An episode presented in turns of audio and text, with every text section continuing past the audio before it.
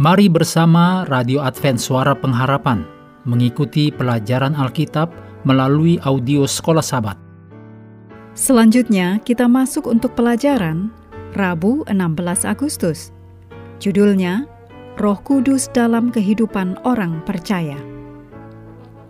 Mari kita mulai dengan doa singkat yang didasarkan pada Yohanes 6 ayat 33 perkataan-perkataan yang kukatakan kepadamu adalah roh dan hidup.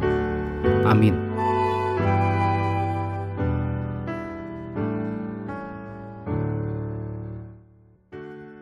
Dalam membahas dosa-dosa perkataan dalam komunitas Kristen, di Efesus 4 ayat 30, Paulus membagikan nasihat tentang kehadiran Roh Kudus kepada orang percaya. Paulus secara bersamaan menyampaikan amaran yang menakutkan dan janji yang mengharukan. Dosa-dosa kita terhadap satu sama lain di gereja bukanlah kesalahan kecil dengan sedikit konsekuensi. Yang mendukakan Roh Kudus adalah penyalahgunaan karunia Allah untuk menghancurkan orang lain. Dicatat dalam Efesus 4 ayat 25 sampai 27, ayat 29, 31 dan 32. Paulus menggemakan Yesaya 63 ayat 10, menggaris bawahi peringatan serius. Tetapi mereka, yaitu Israel, memberontak dan mendukakan roh kudusnya, maka ia berubah menjadi musuh mereka, dan ia sendiri berperang melawan mereka. Dalam janji yang meyakinkan, Paulus menegaskan bahwa roh kudus memeteraikan orang percaya sejak hari mereka menerima Kristus. Dicatat dalam Efesus 1 ayat 13 dan 14. Sampai hari penyelamatan. Dalam Efesus 4 ayat 30. Hubungan Roh Kudus dengan orang percaya tidak rapuh, tetapi tahan lama. Ketika orang percaya mengabaikan kehadiran roh yang berdiam di dalam dirinya, dengan mempersenjatai karunia Allah untuk berbicara, roh tidak dikatakan pergi, tetapi berduka. Roh Kudus bermaksud untuk tetap hadir bersama orang percaya, menandai mereka sebagai milik dan dilindungi oleh Allah sampai kedatangan Kristus kembali. Paulus menggarisbawahi keilahian roh sebagai roh kudus Allah dan menyoroti kepribadian roh dengan menggambarkan roh kudus sebagai pribadi yang berduka Dicatat dalam Roma 8 ayat 16, 26, 27.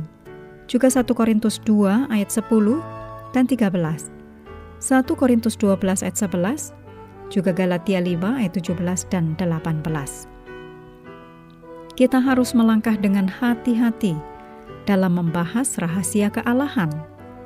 Roh adalah pribadi dan berbeda dari Bapa dan Putra. Berikut ini adalah kutipan dari Paul Peterson dalam buku God in Three Persons in the New Testament, halaman 20. Roh memasuki kehendaknya sendiri dan bertindak sesuai dengan itu. Dia bisa berduka dan dihujat. Ekspresi seperti itu tidak cocok hanya untuk kekuatan atau pengaruh belaka, tetapi merupakan karakteristik pribadi. Apakah roh kemudian menjadi pribadi yang sama seperti Anda dan saya? Tidak. Kita menggunakan terminologi manusia yang terbatas untuk menggambarkan kealahan. Dan roh adalah apa yang manusia tidak akan pernah bisa seperti itu. Adalah Roh Kudus Allah yang hidup dalam hubungan yang begitu intim dengan kita, sehingga tindakan kita dikatakan mempengaruhinya kita berbagi kehidupan dengan salah satu anggota kealahan yang berkomitmen kepada kita dalam hubungan yang tahan lama yang memeteraikan kita sampai akhir zaman. Hendaknya iman kita menanggapi sepenuhnya terhadap kebenaran yang menakjubkan ini. Mengakhiri pelajaran hari ini, mari kembali ke ayat hafalan kita dalam Efesus 4 ayat 22 sampai 24 yaitu bahwa kamu berhubung dengan kehidupan kamu yang dahulu harus menanggalkan manusia lama yang menemui kebinasaannya oleh nafsunya yang menyesatkan, supaya kamu dibaharui di dalam roh dan pikiranmu, dan mengenakan manusia baru yang telah diciptakan menurut kehendak Allah di dalam kebenaran dan kekudusan yang sesungguhnya. Kami terus mendorong Anda bersekutu dengan Tuhan setiap hari, bersama dengan seluruh anggota keluarga, baik melalui renungan harian, pelajaran sekolah sabat, dan bacaan Alkitab sedunia. Percayalah kepada nabi-nabinya yang untuk hari ini melanjutkan dari Mazmur 102. Tuhan memberkati kita semua.